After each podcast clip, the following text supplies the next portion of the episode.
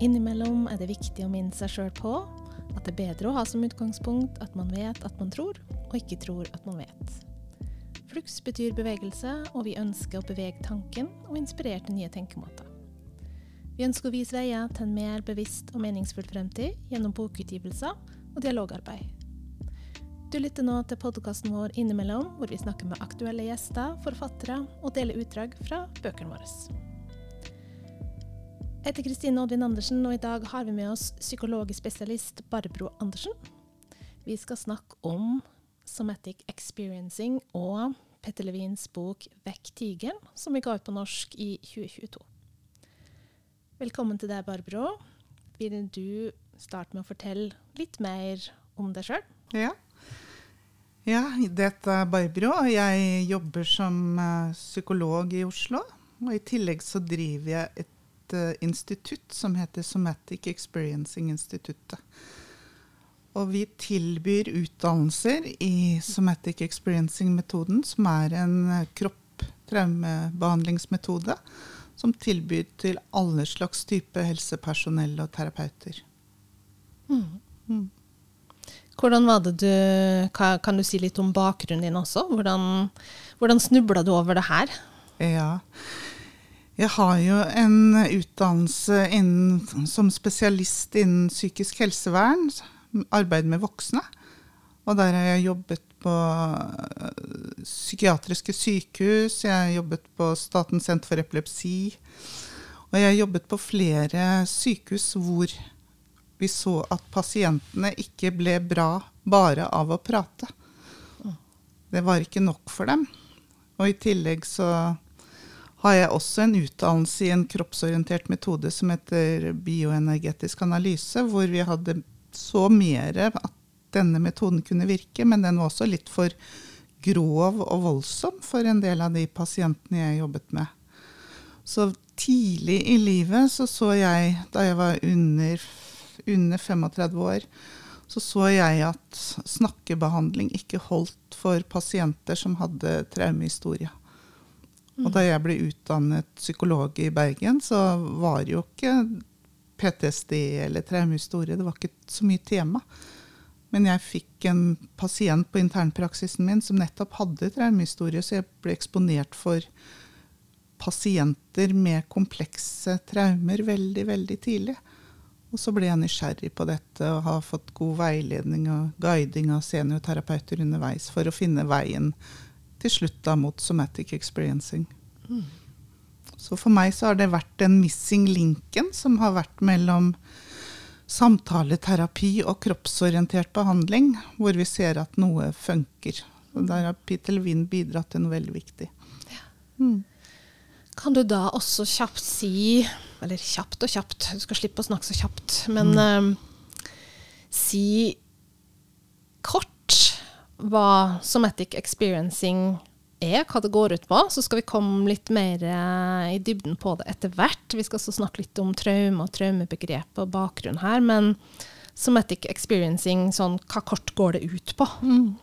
Somatic experiencing er en teori- og behandlingsmodell som kan brukes av alle slags yrkesgrupper som jobber med mennesker, for å hjelpe folk tilbake til her og nå, når de har veldig mye stress og aktivering i kroppen. Så det er en måte å reforhandle traume på, hvis det er det som har skjedd, eller andre typer hendelser som, som gjør at en person ikke klarer å være ordentlig i hvilemodus og være til stede med seg selv i møte med seg selv og andre mennesker.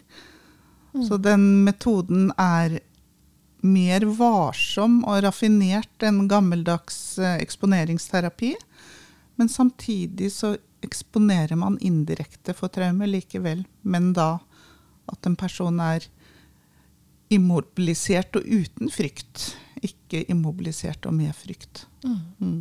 Nettopp. Så det har på en måte da sin plass her som For du sier, for mange så hjelper det ikke bare å prate. Mange har den erfaringa at det kan sitte dypere. Du får ikke prata deg ut av ting. Uansett hvor mange psykologtimer du går til, så er det ting som er stuck, som ikke kan prates bort, rett og slett. Da. Mm. Ja, det er, har vi sett at praten i seg selv kan noen ganger opprettholde aktiveringen i kroppen, for vi jobber ikke med selve historien. Vi jobber med aktiveringen, med det stresset som sitter fastlåst pga. noe som har skjedd. Da. Og så må vi hjelpe personen ut av, ut av aktivering, ut av frys. Det kommer vi tilbake til seinere, hva det er for noe. For å få i gang andre typer responser. Mm. Og dette, dette har sin base i forskning på dyr, både i villtilstand og i, i laboratorieundersøkelser. Så i det her ligger det jo også da en form for anerkjennelse av at eh, psykologiske eller emosjonelle erfaringer som vi gjør oss, har en form for Kall det biokjemisk eller fysisk avtrykk. At det er noe som helt konkret rett og slett setter seg i kropp og nervesystem. Ja, det er nok uh, anerkjent egentlig i mange år at det er en nevrofysiologisk uh, respons på alvorlig belastning, og at dette kan vare ved hele livet for mange. Mm. Hvordan fødselen din har vært, kan uh, mm. få effekt på hvordan du har det seinere. Hvordan du kom til verden, eller til og med før. Så, så det er viktig å anerkjenne at denne nevrofysiologien kan gjøres noe med, og at noen ganger så er stresset vårt så intenst, så det hjelper ikke med samtale. Man må dypere ned for å finne hvile og, og få i gang responser. Fight-flight-responser eller grensesetting. Og at det må kjennes fysisk mm. i kroppen. Mm. Så det er jo eh, Peter Levin da, som har utvikla denne somatic experiencing. Eh, og han eh, fikk vel en sånn aha-opplevelse på et eller annet tidspunkt om at ville dyr var jo da utsatt for eh, trusler og redsel og sto i dødsfare sant, på jevnlig basis. Men det virka likevel ikke som de var nevneverdig prega av det her eh, traumet. Mm. Og da begynte han å leite for å finne hva kunne være årsaken til det her. Hva er det ville dyr gjør, eller hvordan er det deres nervesystem og deres biologi håndterer den her på, som, som, skiller seg da fra hvordan vi mennesker gjør det, som ofte kan da bli traumatisert, som vi sier, og bære på det her eh, over lang tid, og det kan prege oss. Hva, hva var det Levin fant der? Egentlig så oppdaget jo han eh, metoden sin i arbeidet med en spesiell pasient, som står skrevet om i boken 'Vekk tigeren' av den pasienten Nancy. Stemmer. Som hadde noen intense panikkanfall som, som man egentlig ikke helt forsto hvorfor det var så intenst nå. For det var lenge siden hun hadde opplevd noe traume på, som barn, med operasjoner og narkoser. Og hun var i et så intenst panikkanfall at hun uh, ikke Hun var immobilisert og i frykt. Og så intuitivt så sa Peter til pasienten, og det her er veldig mange år siden Pass deg, det er en tiger bak deg, sa han. Og da ble det en kjempereaksjon i kroppen hennes, hvor hun fikk i gang en form for flight-respons. Beina begynte å løpe. Og la på sprang, rett og slett? Ja, og det var skjelvinger og litt av hvert. Og ut ifra denne, denne erfaringen så ble Peter nysgjerrig og har skjønt Det er ikke helt sant at dyr i vill tilstand aldri blir traumatisert, men da blir de mer sårbare hvis eh, de har traume, for da har de ikke sine adaptive funksjoner i gang, da, som å fornemme fare, være, være på vakt hvis du er byttedyr. Ikke sant? Å kunne løpe fra en situasjon. Så, så, de dyrene som overlever, de har evnen til å gjøre en flight response eller fight response. Mm. Som en form for overlevelsesteknikk. Ja. ja. Hva er det som skjer da i, i nervesystemet? Når man blir veldig skremt, mobilisert, at det kommer en trussel mot deg, så vil du få en uh, orienteringsrespons, hvor du fornemmer en fare, en form for nysgjerrighet, eller hva er det som skjer? Fra å være ikke redd eller ikke trigget, så får du en orienteringsrespons. Og det er en overlevelsesmekanisme, ja. ikke sant? Ja. ja. Mm. Så det er en av de responsene alle dyr har. Pattedyr. Også andre dyr har det, men uh, nå snakker vi mest om pattedyr. Og denne orienteringsresponsen, hvis noe kommer veldig brått på, så er det også en skvetterespons at man skvetter til når noe skjer. Men hvis noe skjer veldig brått og intenst, og så skal du i, vurdere veldig, veldig kjapt, og da er det en evne vi har til å vurdere kjapt om noe er farlig eller ikke, som heter evne til nevrosepsjon. Og det har ikke Peter skrevet om i boken, men det har man funnet ut i seinere tid. At det er en uh, evne vi har til å kjenne intuitivt inni oss med magefølelsen om en person eller situasjon er farlig, eller om det er trygt. Og ut ifra det veldig veldig raskt prosesserer nervesystemet om det skal ha impulsen til å løpe og komme seg unna, eller å kjempe. Og for dyr og mennesker som ikke verken kan løpe eller komme seg unna, så går man da i frys. Ja. Ja. Det er kanskje den minst kjente, kanskje man kan si. Altså fight or flight hører vi jo en del om. Men frys, den minst kjente tredje responsen der, hva er det som skiller den fra de to andre? Ja, en frysrespons er jo en uh, situasjon, eller er en respons kroppen gjør når det ikke er mulig å komme seg unna. Og for små dyr, da, som pungrotter og andre byttedyr som ikke løper så fort, så kan man se at den responsen er veldig veldig til stede hvis eh, noe blir veldig skremmende, sånn at de bare faller om kull eller velter over på siden inntil faren er over. Og det er en veldig fin respons vi også mennesker har for å overleve. Og den kjennetegnes jo av at uh, man går så å si ut av kroppen sin. At man ikke er til stede. En slags sånn bevissthetsskift like før man besvimer. Hvor man ikke har kontakt når noe skummelt skjer. Slik at det er en slags i overlevelsesverden en forberedelse på at man kanskje ikke kommer til å overleve. Men det er også en måte, har man sett i dyreriket, og sannsynligvis også i menneske, menneskets brutale verden, en måte man går inn i en frystilstand på som gjør at man eh, ikke vekke motstand, og kanskje bli mindre utsatt for vold. Man blir mindre interessant for et rovdyr. Og man utsondrer også et stoff som eh, forbindes til å lukte død. Slik at uh, rovdyret mister interesse. Og det kan ha reddet veldig, veldig mange dyr. Så da, når de kommer ut av denne frystilstanden, for det er egentlig en tilstand med veldig mye mobilisering, intens uh, respons på det som har skjedd, og når de kommer ut av den, så vil du kunne se Det fins masse videoer på YouTube av dyr som uh, kommer ut av slike frystilstander, og du ser vibrasjoner og skjelvinger i kroppen når de frigjør denne restaktiveringen som er knyttet til uh, dødstrusselen eller det skremmende som de har opplevd. En energi beskriver Peter Levin også som, eller bruker den betegnelsen.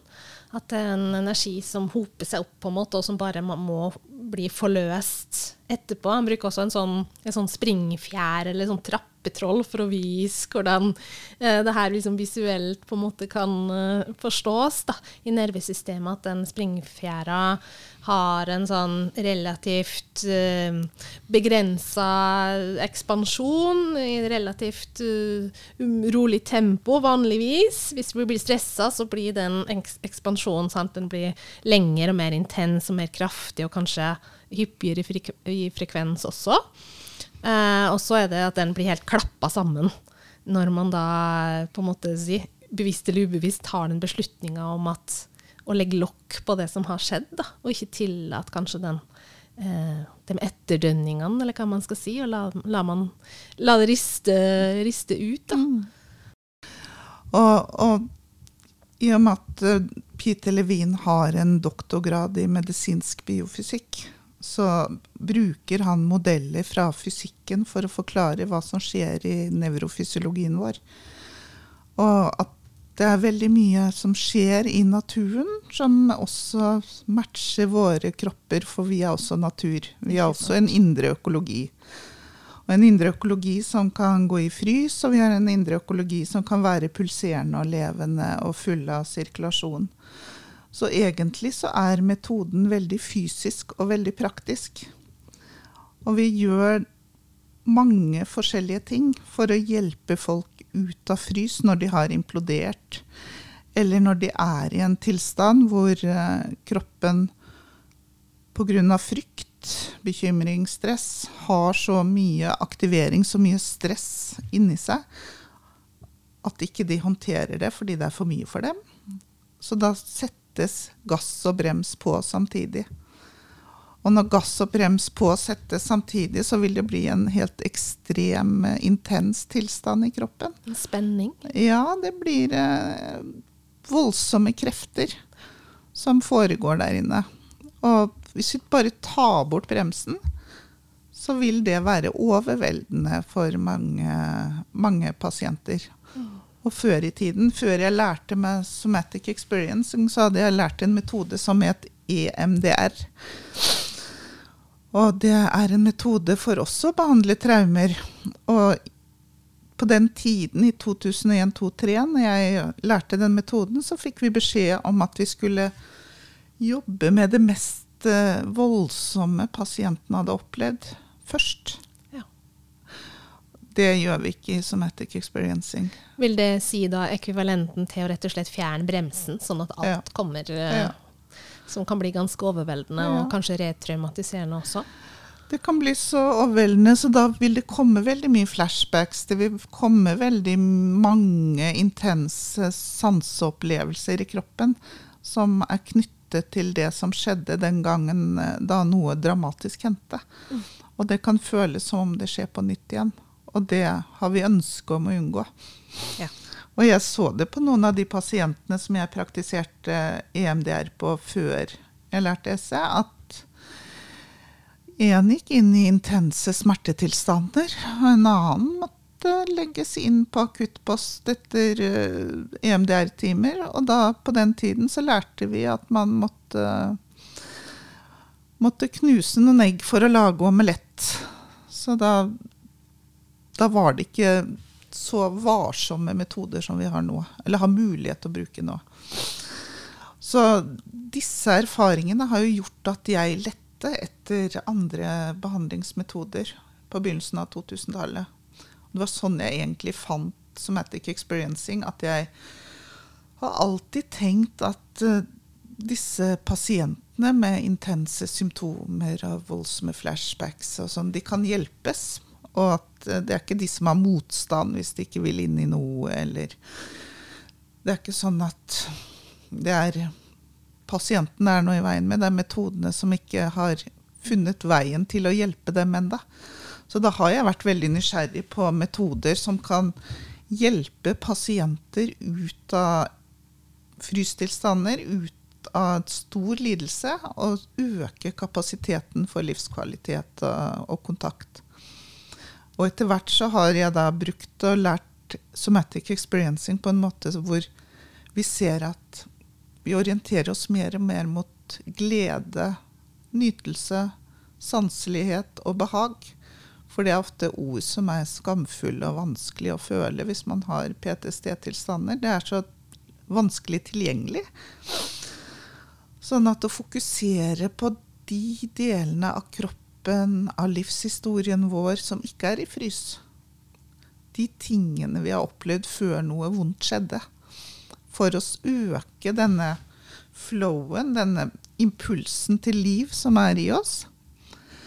Den Hvis vi klarer å få f.eks. 80-90% av en persons kropp i rommet, terapirommet sammen med deg, til å være til stede her og nå, så er det ikke så dramatisk, den der siste delen som har med traumene å gjøre. Så det er en annen måte å tenke traumebehandling på enn de som skal rett inn i historien og rett inn i, rett inn i det dramatiske. Litt annen tilnærming. Veldig tilnærming. annerledes. Mm. Ja.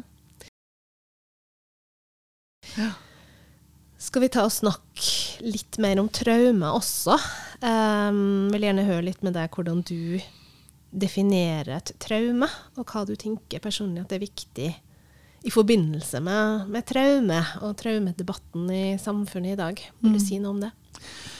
Ja, sånn som vi definerer traumer eh, ut fra psykiatriholdninger, så er det jo at det er noe som har kommet veldig brått på, og som har vært eh, uoverkommelig å mestre. Ut fra hva personens eh, kapasitet har vært. Og noe kan oppleves som traumatiserende for alle. Sånn at det er, det er ikke noe tvil at det er dramatiske hendelser. Og så har det vært eh, opp gjennom årene historisk sett ulike definisjoner på om f.eks. er en uh, vanskelig oppvekst. Gir det en PTSD?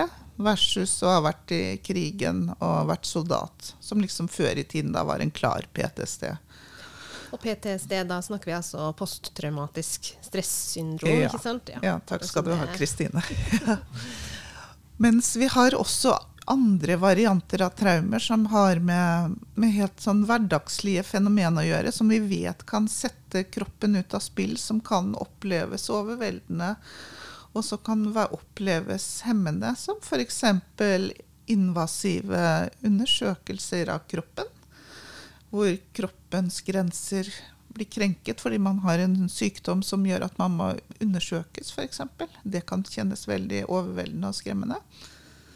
Og kan være traumatisk. Og spesielt for de som har traumer før, ja. så kan oppleve det veldig ille. Og det gjelder jo også tannlegebehandling. Mm.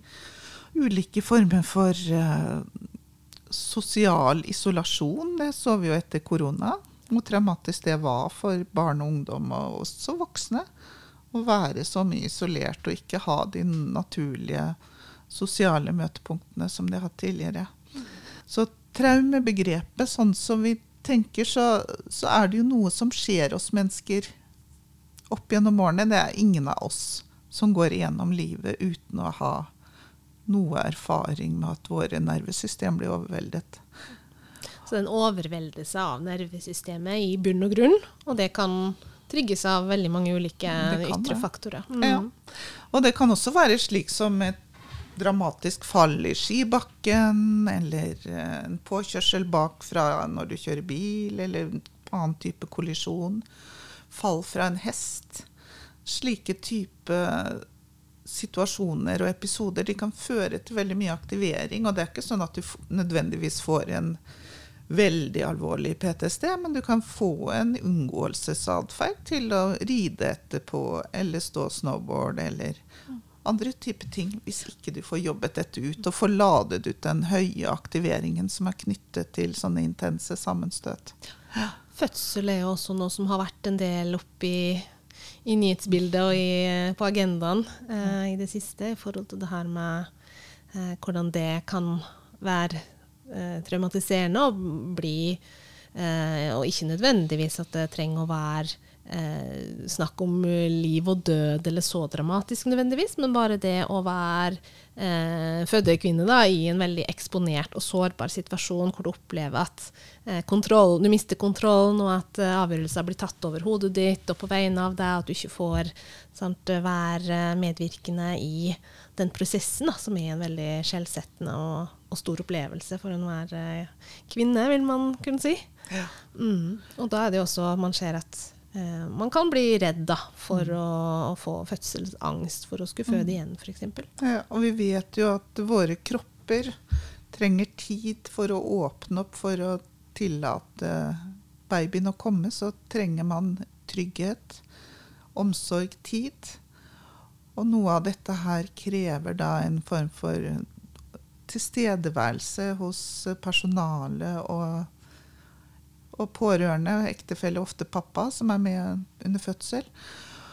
Og sånn som uh, man legger opp fødsler nå, så er det en del av dette som kan bli frarøvet uh, de som føder. Og spesielt så var jo det temaet under koronatiden. Mm.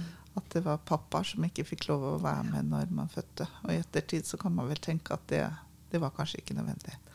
Nei, og det var kanskje traumatiserende for begge parter. Ja. Mm. ja. Det å stå på sidelinja og ikke kunne få være til stede på en så viktig, en så viktig opplevelse, og ikke kunne være til hjelp mm. og ikke vet hva som skjer, og mm. det kan også være ganske kjennes ganske dramatisk, da. Ja. Mm. ja.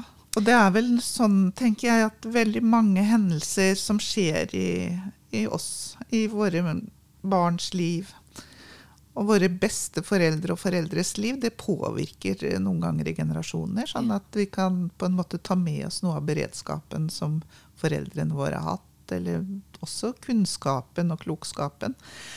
Og det som jeg kanskje tenker er viktig å huske på når vi snakker så mye om traumer, det er jo også at gitt at man får reforhandlet og løst ut disse aktiveringene og får i gang fight-flight-responser og orientering mot trygghet igjen, så kan det foregå en veldig stor posttraumatisk vekst. Ja. Vil du utdype ja, det litt? Ja, det er jo det, derfor jeg er opptatt av, av traumer. Ja. Fordi i menneskers liv, hvis ingenting eh, av motgang rammer deg, eller ingen, ingenting utfordrer deg, så vil du heller ikke ha så mye læring. Så man jobber stadig på kanten ofte av toleransevinduet. Vi kan ikke alltid holde oss innafor hva som er ok hele tiden. Og noen ganger så kommer ting litt brått på, sånn som med traumeopplevelser og andre dramatiske hendelser.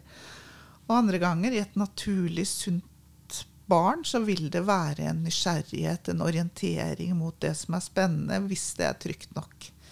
Og da vil, vil, det være en naturlig læring fordi det er trygt. Men når disse dramatiske hendelsene kommer, og man går inn i en eller annen form for stressrespons eller traumereaksjon, så vil den første type respons hos oss mennesker hvis det virkelig blir uh, truende, det er jo å søke kontakt. Å søke samhørighet, tilhørighet med andre mennesker. Så det er en defensiv respons å søke noen når man ikke har det bra. Og det er veldig viktig å være klar over. Fordi den underkommuniseres noen ganger. Vi snakker om flight og fight og freeze. Men det grunnleggende til spedbarnet og til oss mennesker, som vi i Norge har vært veldig opptatt av, dette med kommunikasjon, dialog for å løse konflikter Ikke nødvendigvis gå til det å, å være i en krig, men lytte, høre på den andre og fremme sin egen sak hvor da frontallappene våre er med, og vi er med med hjertet og med, ordentlig med kontakten. Det er den beste defensive responsen vi har når ting er vanskelig. Og når den ikke funker, så vil de andre type responsene komme. Som f.eks. at man går ut av en situasjon. Hvis man er på en arbeidsplass hvor det ikke er ok å være, og man har prøvd på alle vis å si at dette her fungerer jo ikke, eller den lederen er ikke så ok. Hvis det ikke funker, så kan det være hensiktsmessig å slutte. Da er det en flight response. Eller hvis man går fra en partner som man ikke får til å kommunisere med.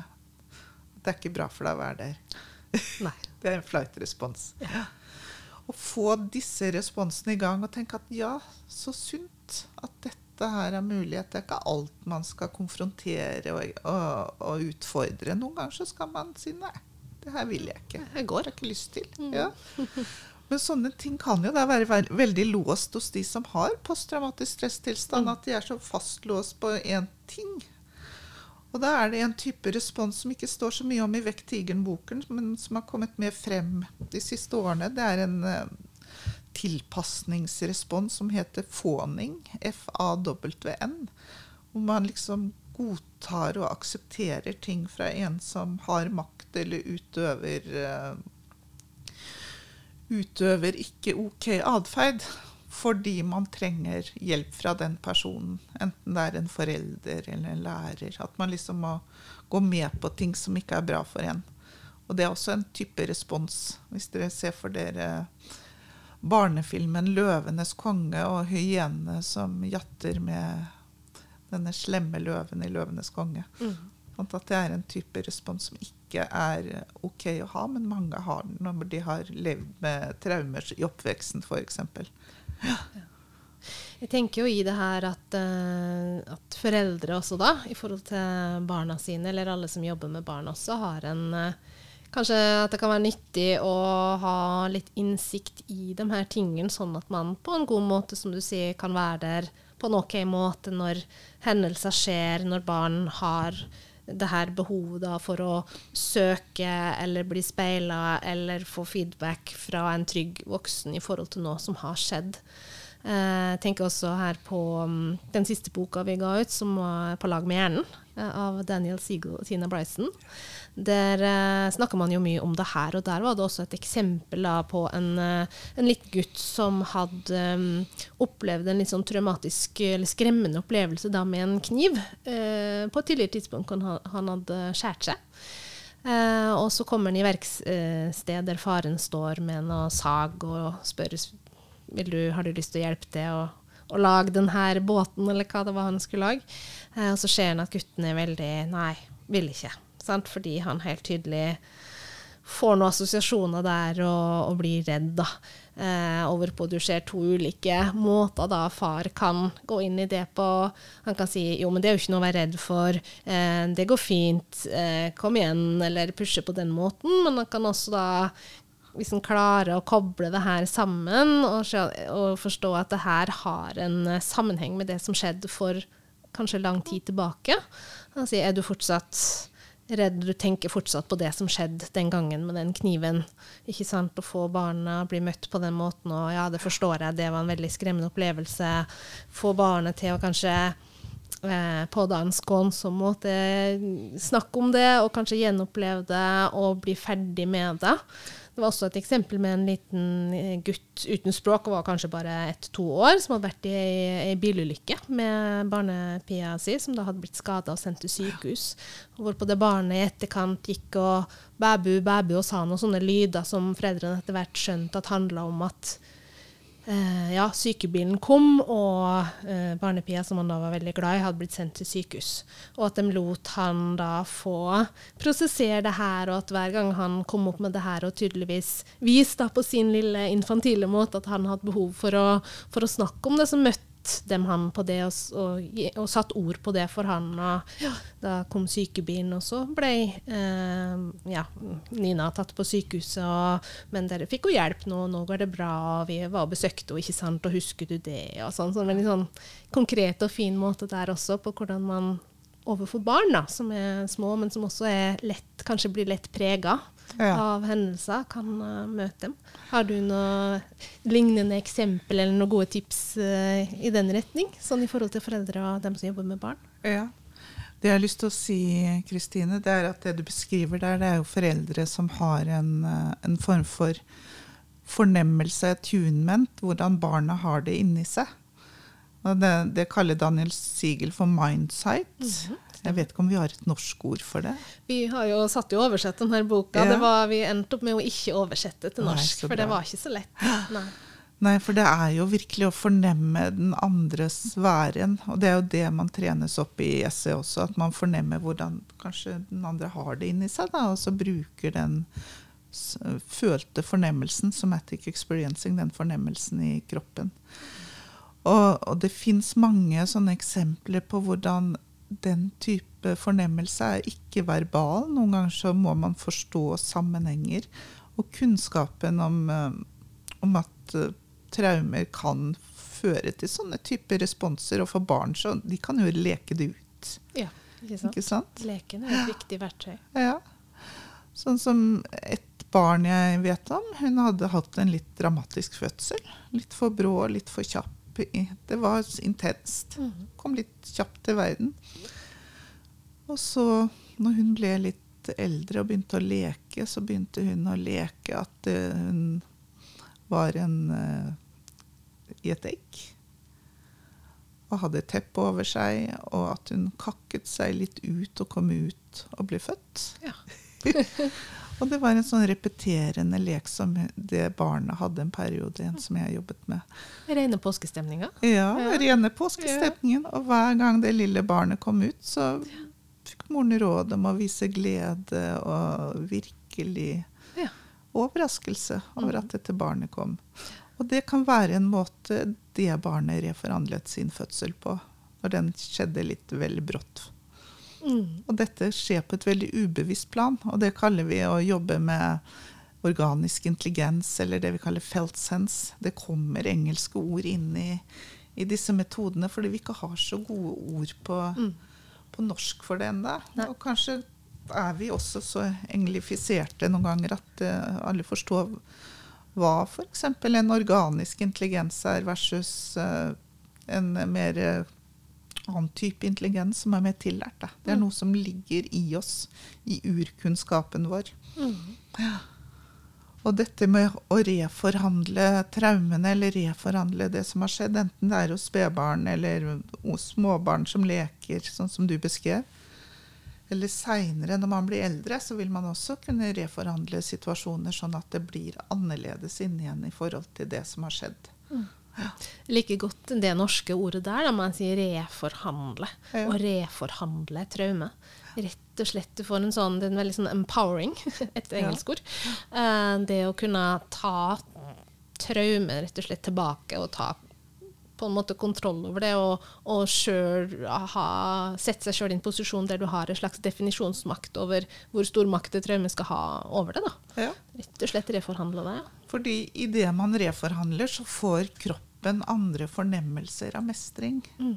For det som har skjedd, det har skjedd. Ja. Men inni deg så kan du få en annen fornemmelse av det, fordi du gjør noe annet enn den gangen da noe skjedde. Mm. Og det er det som gjør at kroppen kan slippe spenninger, slippe smerte, beredskap, denne mistenksomheten, mistilliten som kan være. Og så kan det være at det kobler seg på mer av her og nå, av væren. Og at man senker garden litt. Mm. Em, skal vi si litt om det her med uh, det fysiske versus det psykiske.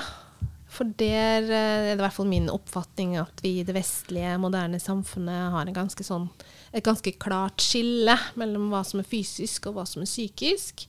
Uh, vi har leger og kirurger og den type ting som tar seg av det fysiske i kroppen. Og så har vi psykologer og terapeuter og sånne mind eh, twisters, eller hva de kalles, eh, som da eh, har sitt domene på, på innsida av hodet, da, eller fra halsen opp, kan man si. Eh, med unntak av noen øre-nese-hals-spesialister inni der. Em, hva, har du noen tanker om det i forhold til eh, hva det betyr, eller hvilke Litt ledende spørsmål, kanskje, men hva vi kan gå glipp av eh, i en sånn, men veldig sånn kategorisk eh, skille på det fysiske og psykiske. For for meg virker det her med somatic experiencing nettopp som at man ser at eh, det er en veldig tydelig kobling der. Og at eh, det psykiske kan gi fysiske symptomer. Eh, at det eh, det man kanskje kan kalle for tenk på som en psykisk eh, lidelse eller en psykisk belastning, altså PTSD og sånne ting, også kan eh, jobbes gjennom ved å gå mer kan man si, fysisk egentlig til verks. Mm. Jeg kan si noe om det, fordi det har jo kanskje fra gammelt av vært et skille, men de siste årene så er det jo en mer åpning om at det, psykiske belastninger skaper somatisk sykdom, blant annet. Og her i Norge så har vi en eh, lege som heter Anne Louise Kirkengen. Hun har vært fastlege og tatt doktorgrad på hvordan krenkede barn blir syke voksne. Så hun har jo vært med å fronte de tingene du snakker om her. At det er, eh, det er ikke tilfeldig at det er veldig mye fysisk sykdom hos enkelte mennesker. Mer enn vanlig. Og så er det noe som heter en ACE-studie, som er en eh, studie på veldig veldig mange mennesker som har vært utsatt for eh, De har bare observert hvor mange negative barndomsopplevelser en stor populasjon hadde, og hvor mye sykdom som var knyttet til disse tingene seinere i livet. Og der er det en eh, forfatter som heter Burke Harris, som har skrevet eh, The Deepest Well, den dypeste brønnen, som handler om nettopp det du sier, at det er så stor sammenheng mellom somatikk og, og fysiske, psykologiske ting. Så når jeg var og underviste her i høst på gastromedisinsk avdeling, et sykehus utenfor Oslo, så var vi jo skjønt enige om at veldig mange av de som fikk eh, undersøkelser der, hadde stresshistorier i som et tema. Og så skal, skulle de da kanskje undersøkes eh, ulike, i ulike deler, kroppsåpninger. Sant? Og de hadde traumer, de hadde beredskap. Og vi vet at veldig mange somatiske sykdommer som irritabelt tarmsyndrom, astma, blodtrykk, høyt blodtrykk, er knyttet til dysregulering av nervesystemet. Migrene også. Og, og det vet også leger, men allikevel så er det mange som har som første valg at uh, de skal ha medisiner. Mm. Selv om vi vet at uh, kroppsorienterte mestringsteknikker som yoga, avspenning og noen ganger traumebehandling kan virke. Mm. Så, så, vi har en vei å gå, men vi ser jo også at både anestesileger og fastleger og psykiatere er veldig åpne for denne metoden her. Mm. Så, så, det er på en måte en bevegelse, men det tar jo tid. Ja, Du sa her i stad at eh, det har kommet en sånn bølge. Det har skjedd eh, en god del, da. I forhold til at nå kommer det folk, sa du, og, og rett og slett forespør om SE, altså Somatic Experiencing. Det virker som om det er en mobilisering fra, fra grasrota. At de vil ha den type tilnærming. Mm. Vi har også andre typer tilnærminger som ligner. og Her i Norge så er det en annen metode som heter sensoromotorisk eh, psykoterapi, som ligner på somatic experiencing. Men den er mer teknisk psykoterapi. Somatic experiencing favner mye bredere og jobber enda mer med organiske, den organiske intelligensen. Og det at man kan eh, jobbe med f.eks. ikke-verbale hendelser, sånn som at du har hatt en nær døden-opplevelse, eller har ligget i koma, eller har andre typer ekstreme belastninger som man egentlig ikke har ord for, hvor man har vært eh, i ikke-kontakt. Man har ikke, har ikke, vært våken og bevisst til stede, men det har allikevel kommet opp veldig mye aktivering. Mm. Så, så det skjer mye blant folk som ser at det er behov. Det er bra. Det liker vi. Mm. Eh, Gabor Maté også vil jeg nevne i forhold til det her med um, sammenhengen da, mellom det psykiske og det fysiske, og hvordan uh, psykiske og emosjonelle og traumatiske opplevelser rett og slett kan uh, sette seg i kroppen. Blant annet uh, den boka som heter 'Når kroppen sier nei'. Der går han jo ganske systematisk da gjennom ulike former for kronisk sykdom, alvorlig sykdom, sykdom som vi har sett uh, ganske stor eksplosjon av, eller i hvert fall en ganske stor økning i. da. Uh, at uh, når man ser på studier sånn som har vært gjort, så ser man at uh, en klar tendens til at det ofte kan ligge ja, psykiske belastninger og den type stress også i, i, i bunnen. Ikke nødvendigvis som eneste årsak, men definitivt som en medvirkende årsak. Mm. Mm. Jeg har lyst til å si noe om det, for mange behandlere, også andre sikkert, kan noen ganger få slike traumehistorier av fysikk og psykologi som er ganske store og omfattende. Og hvis man da har den eh, paradigmet at man skal gå inn i historie og jobbe med hver enkelt ting, så kan dette føles veldig overveldende, slik at terapeuten faktisk kan bli immobilisert selv. Ja. Og derfor er somatic experiencing en modell som kan faktisk hjelpe den type klienter veldig bra.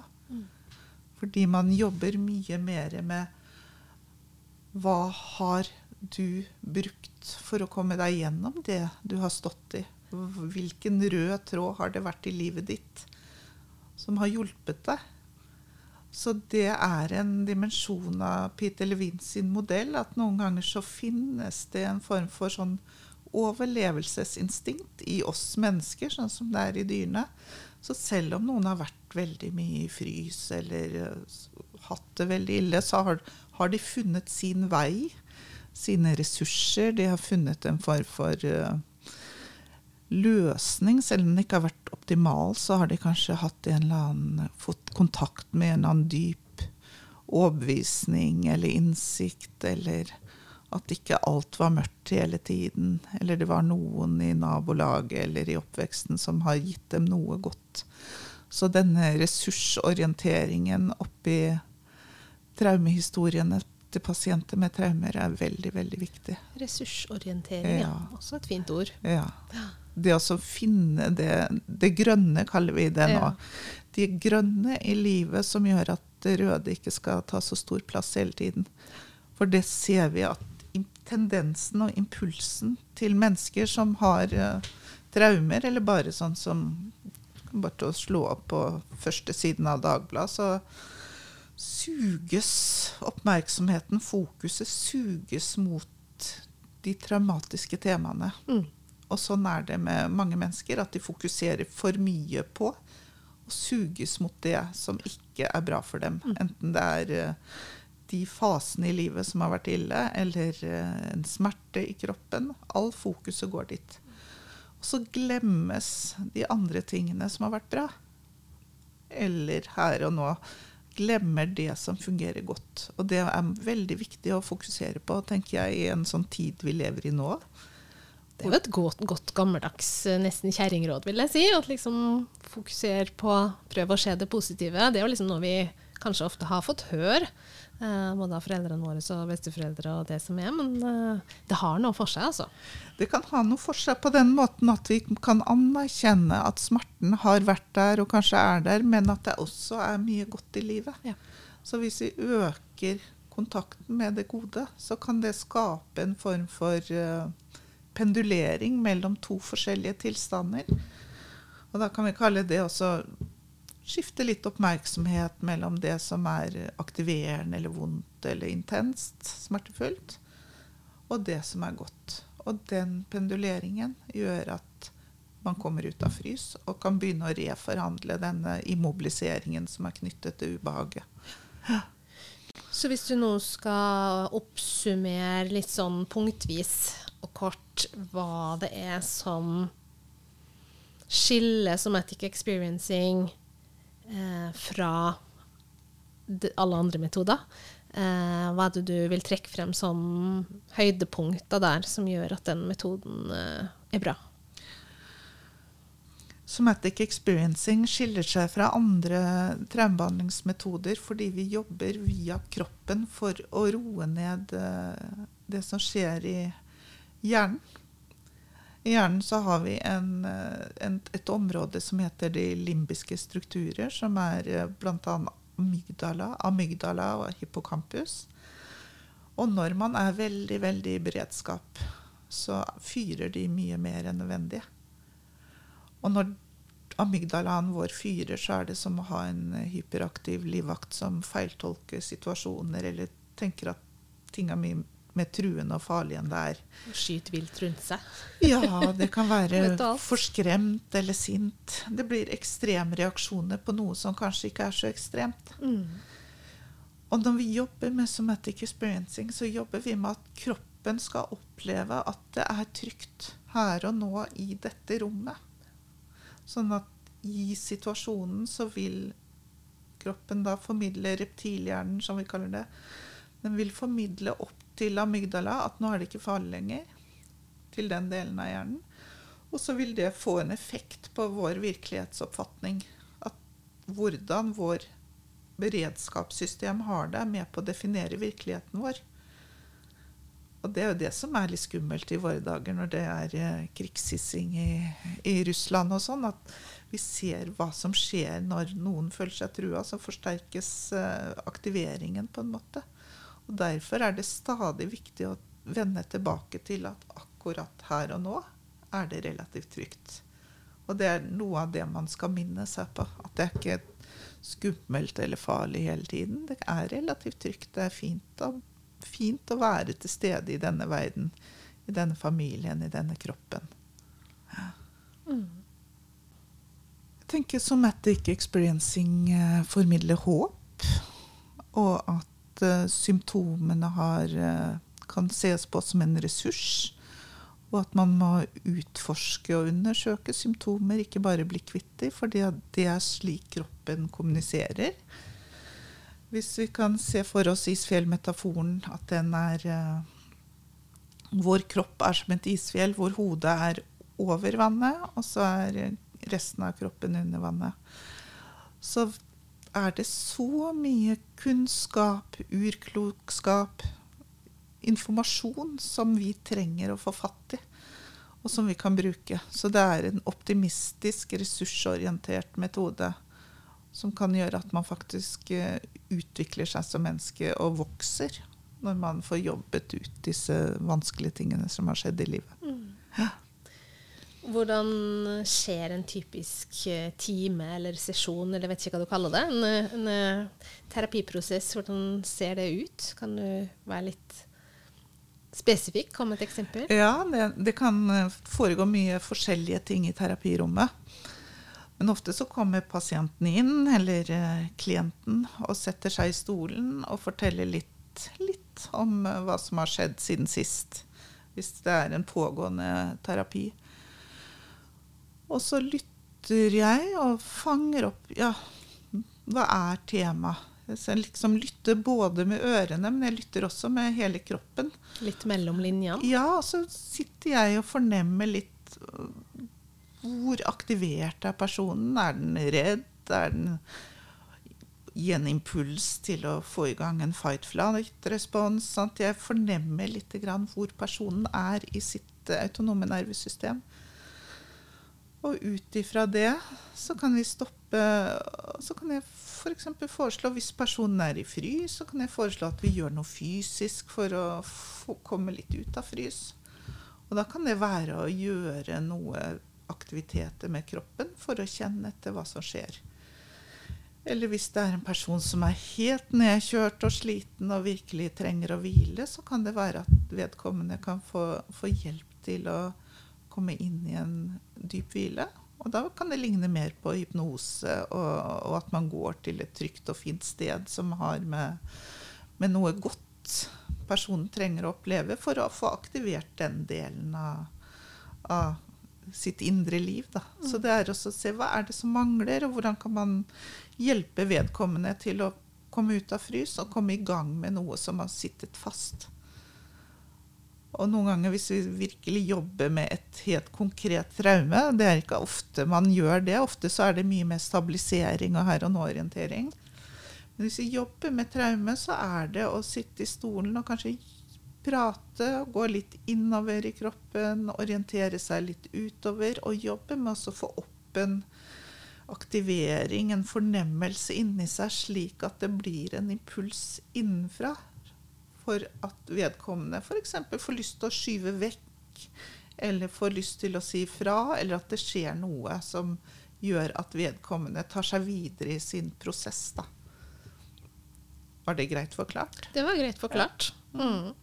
Så en kombinasjon av prat, eh, av kanskje øvelser, av bruk av kroppen og ettersom jeg forstår også en ganske sånn intuitiv og påkobla prosess i terapeuten som er obs, og er kanskje sånn det kommer litt mer med erfaring etter hvert. At man blir god på å plukke opp For det er jo ikke alt som blir sagt med ord, men det kan være mange signaler likevel, og det kan være mye kommunikasjon som likevel foregår, som man da som terapeut eh, plukker opp og tar tak i. og mm. Ja, Det å, å, fornemme hvordan noen har det, er en del av somatic experiencing-treningen. Å fornemme litt hvor er den andre i, i, i sin prosess. Er den i, i, shutdown? Er det gryende flight respons der, eller fight? Så slike ting trenes man opp til. Og det, det får også Når man er pasient, så får man veldig mye av den samme treningen og behandlingen som våre somatic experiencing-studenter får. At man blir kjent med sitt indre univers, og også kjent med hvordan det er å være i kroppen uten å være redd. Og at det kan ta tid å bare lande i kroppen og kjenne på sansene sine. Og noen av bøkene til Peter Levin er jo veldig fokusert på kroppslige øvelser. F.eks. hvordan man kan bruke dusjen, det er en av bøkene hans, for å kjenne på vannet som berører berører huden, og hvordan det kjennes. Slike ting jobber vi veldig mye med for å kunne kjenne at man har en kropp, at man bor her ja. i denne kroppen. Og det her med å fornemme og koble seg på klienten, da, det er noe som du sier, det er noe man blir trent opp til. Det her handler ikke om noe overnaturlig, eller hva man skal kalle det, noe iboende eh, si, eh, ting man kan, eller som man har en evne til, først og fremst, men det er noe man, man faktisk kan trene seg opp til å bli bedre på. Man kan trene seg opp til å bli bedre på det. Det ligger i vår eh, medfødte kunnskap. At vi har speilnevroner som eh, gjør at vi kan fornemme litt hvordan andre har det inni seg. Vi skal ikke føle akkurat det samme som dem, men vi kan fornemme hvordan de har det for å kunne tilby dem den rette hjelpen videre. Og ha tillit til at eh, pasienter, at personer som har opplevd noe, har den iboende egenskapen til å, å kunne forløse disse ressursene som har ligget brakta, eller som har ligget i frys. Det er den evnen der man nå snakker en del om at blir svekka hos oss. På, mye pga. Eh, mobilbruk og skjermbruk, og at mye foregår digitalt. Eh, at mødre sitter med telefonen istedenfor å koble seg på babyen sin under amming, f.eks. Eh, at det er rett og slett en eh, Og det er jo litt skremmende når man ser hvor viktig og hvor mye ressurser og hvor mye kraft da, det kan være i en sånn evne, så er jo det noe vi som mennesker bør vedlikeholde, tenker jeg. Og ta på alvor. Mm. Ja, jeg tror det å være i naturen, det å være med mennesker og være i fellesskap hvor det er trygt og samlende, det kan øke den motstandskraften vi har mot, mm. Mot å bli stresset og traumatisert. Og, og, det er skummelt at det blir en addiction til sosiale medier, og, og at folk virkelig er avhengig av telefonen sin.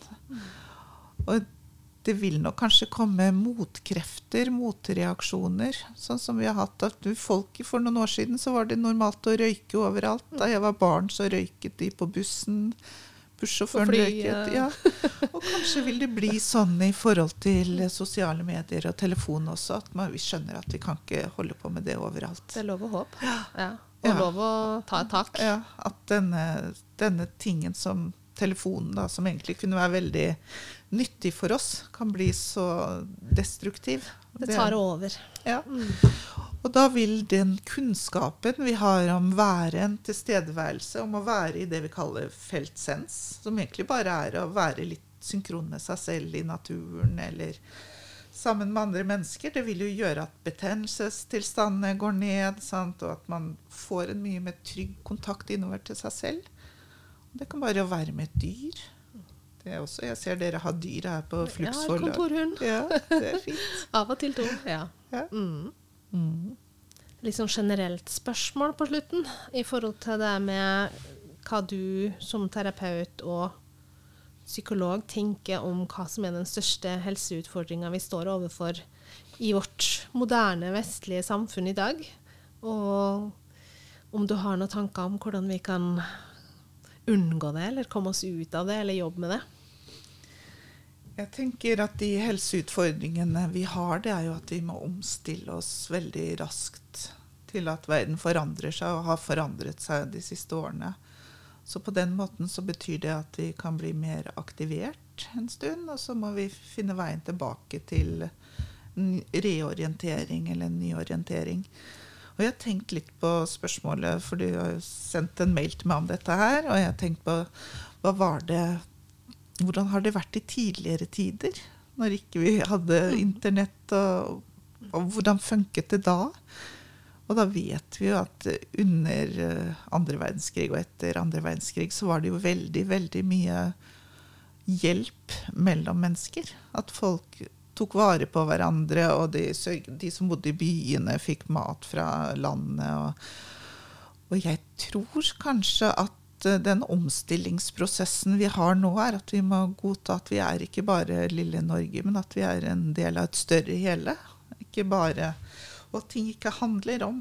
For det som også kan være kritikken mot eh, vestlig psykiatri og psykologi, det er at vi er så egosentrerte og selvsentrerte. Ja. Og at det kan hemme oss i det vi egentlig ønsker for planeten. planeten. At vi trenger å tenke at vi er mer enn bare oss selv. Mm. Vi har ansvar for å ta vare på oss selv, vår egen som jeg sier, økologi. At den ikke skal være i hemmende, sånn at ikke vi klarer å ta vare på oss selv eller andre. Så vi har en slags voksenansvar, selv om vi har traumer og har, har en gang opplevd overveldende ting, så trenger ikke det være en livstidsdom. Det sier Peter Levin. Ja. Sånn at det har skjedd en gang, men du trenger ikke være fastlåst resten av livet. Så det å stadig vende tilbake til livet, tilbake til vitalitet, tilbake til fellesskap her og nå, og kanskje ta inn mer av det røde, som vi sier, det dramatiske som skjer, uten å miste, miste fotfestet. Jeg har lagt merke til at mange av de jeg snakker med, de følger jo ikke med på nyhetene i det hele tatt, så de får ikke med seg noe av det som skjer. Nei. Nei. Og det er en form for sånn å lukke seg inn i en kokong som jeg tenker ikke bare er helt bra, man må ta inn bitte litt Ja. av verden. Var det jeg skulle til å si i stad. Fordi nyheten nyhetene sto på hos oss i går, og da satt jeg og så på, og så var det jo mye fryktelige ting. Og det var krasj, og det var flom, og det var Så sa jeg nå kom jeg på hvorfor jeg egentlig ikke pleier å se på nyheter. Eh, fordi det var Ja, det opplevdes ganske voldsomt. Men Ja. så er det jo likevel så får jeg jo med meg ting, ikke sant. Fordi man eh, På Facebook så deles det ting, ikke sant. Man får drypp her og der. Men det å sette seg ned og se på, på en hel nyhetssending, kan, eh, kan jeg kjenne at det tar mye energi. Ja. Rett og slett. Ja, skjønner man finner jeg, en Kristine. balanse. Ja, jeg skjønner det. Det jeg tenker, Kristine, det er at det går an å ta det i små doser. Mm. Ikke sant? Man trenger ikke høre på den samme nyheten Nei. syv ganger om Nei. dagen, eller ti. Og vi har sett at når det skjer ting, så blir det ofte sånn at de samme videoene spilles på nytt og på nytt. Igjen og igjen. Så doser hvor mye du ser på TV eller hører på nyheter. Ikke utsett deg for det samme hele tiden, for ditt nervesystem reagerer på et eller annet vis. Og da skal du skjerme deg.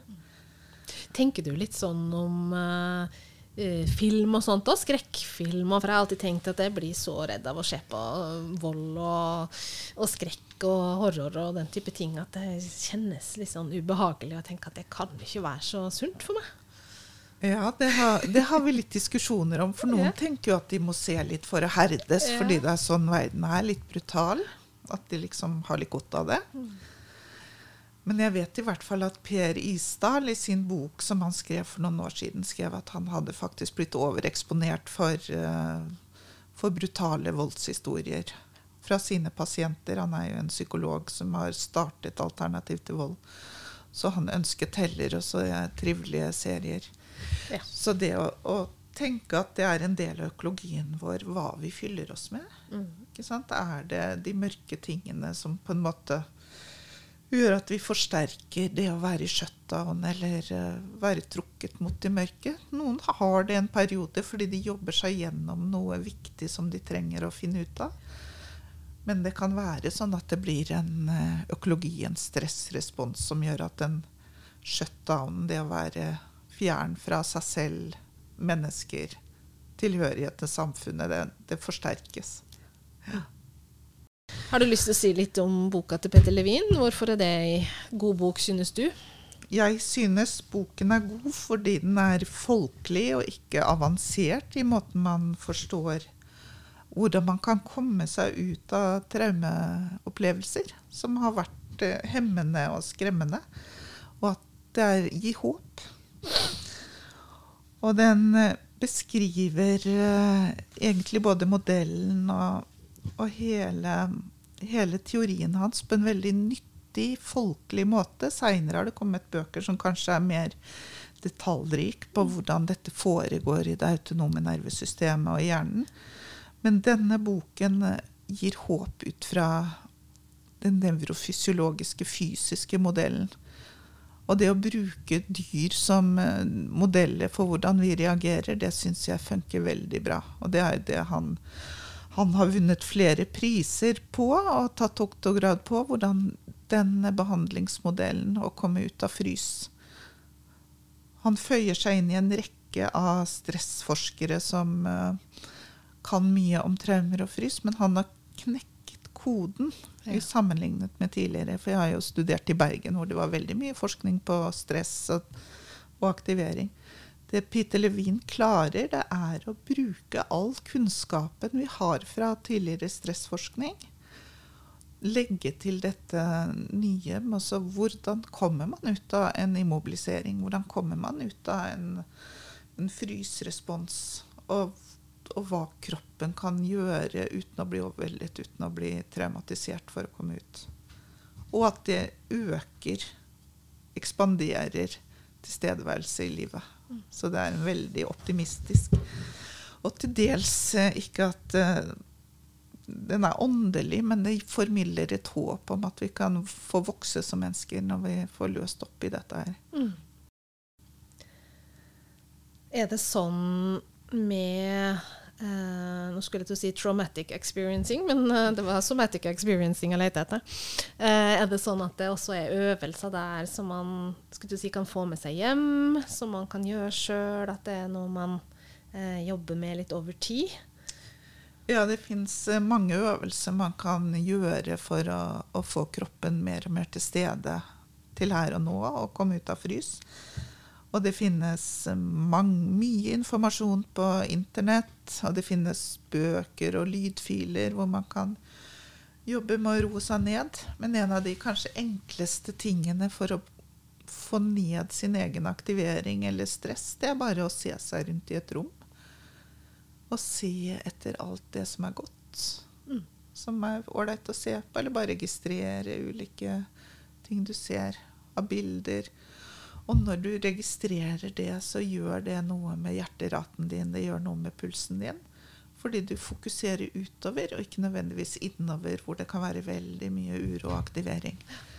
Så det å hjelpe folk til å komme ut av sin lille traumeboble for å være til stede med sansene sine, alle fem sansene vi har, er en av de viktigste øvelsene.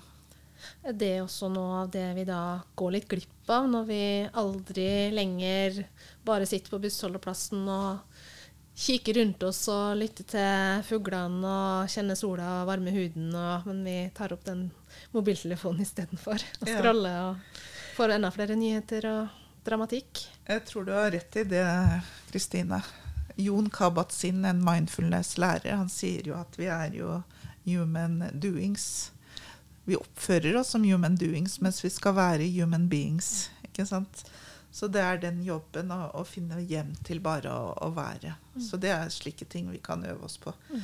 Og jeg ser at på trikken i Oslo nå, så er det jo sånne små beskjeder som henger der om at man skal fokusere på pust og her og nå. Ja, det har ikke sett. Så det er folkeopplysning ja. på høyt plan, mm. faktisk. At man uh, får litt beskjed om Fra Sporveien, da? Eller? Ja, Sporveien. Jeg vet ikke hvem som har fokusert det. Og jeg ser Helsedirektoratet har hatt noen sånne temaer på TV hvor de fokuserer på livet, ikke på å prestere hele tiden.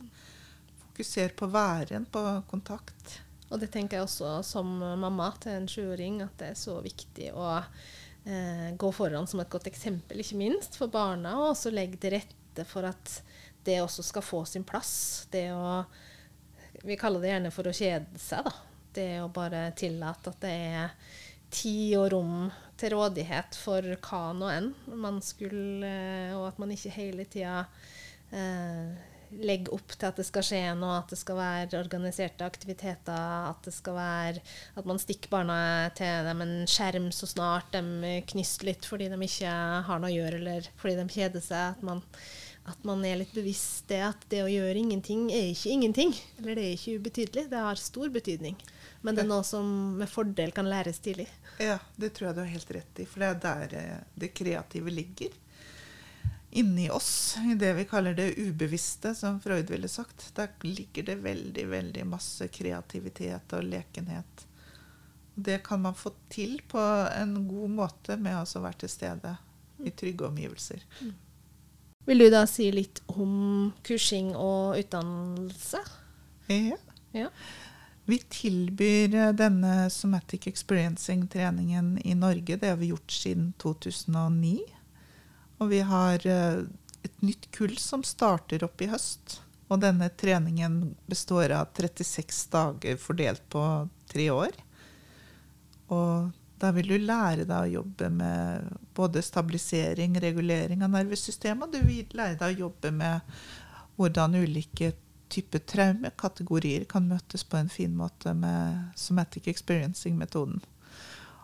Og der tas både leger og psykologer og fysioterapeuter, kiropraktorer, lærere, barnehageansatte. Veldig mange som går denne utdannelsen. Mm. Og som finner det nyttig i forhold til sin måte å utøve yrket på. Men man må ha en, en eller annen profesjon i bunnen før man begynner på dette her. Så det tas gjerne som en slags eh, påbygning, kan man si? Eller tillegg? Ja, det tas ofte tillegg når du har gjort veldig mange andre utdannelser, og så ser du at uh, det er noe man mangler likevel. Så Mm. mange er godt voksne når de begynner på denne utdannelsen. Men også yngre mennesker er velkommen. For det er så mange metoder som finnes der ute, og det er noe med det å, å si at det er verktøykassa trenger noe som virkelig kan hjelpe folk ned i hvile, ned i å finne søvn tilbake selv når de har jobbet ut traumene sine. Så for mennesker som jobber med mennesker, i stor grad, da. Ja. Mm. Mm. Tusen takk, Barbro, for at du kom og snakka om eh, somatic experiencing med oss. Tusen takk skal du ha.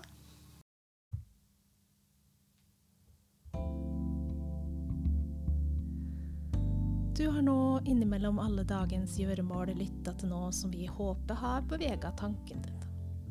Du kan lese mer om Flux og vårt arbeid på flux.no. Der vil du også finne mer informasjon om alle våre bøker og prosjekter. Du kan også følge oss på Facebook og Instagram. Musikken som du hører i bakgrunnen er laga av Olveflaktene, spesielt til oss i Flux.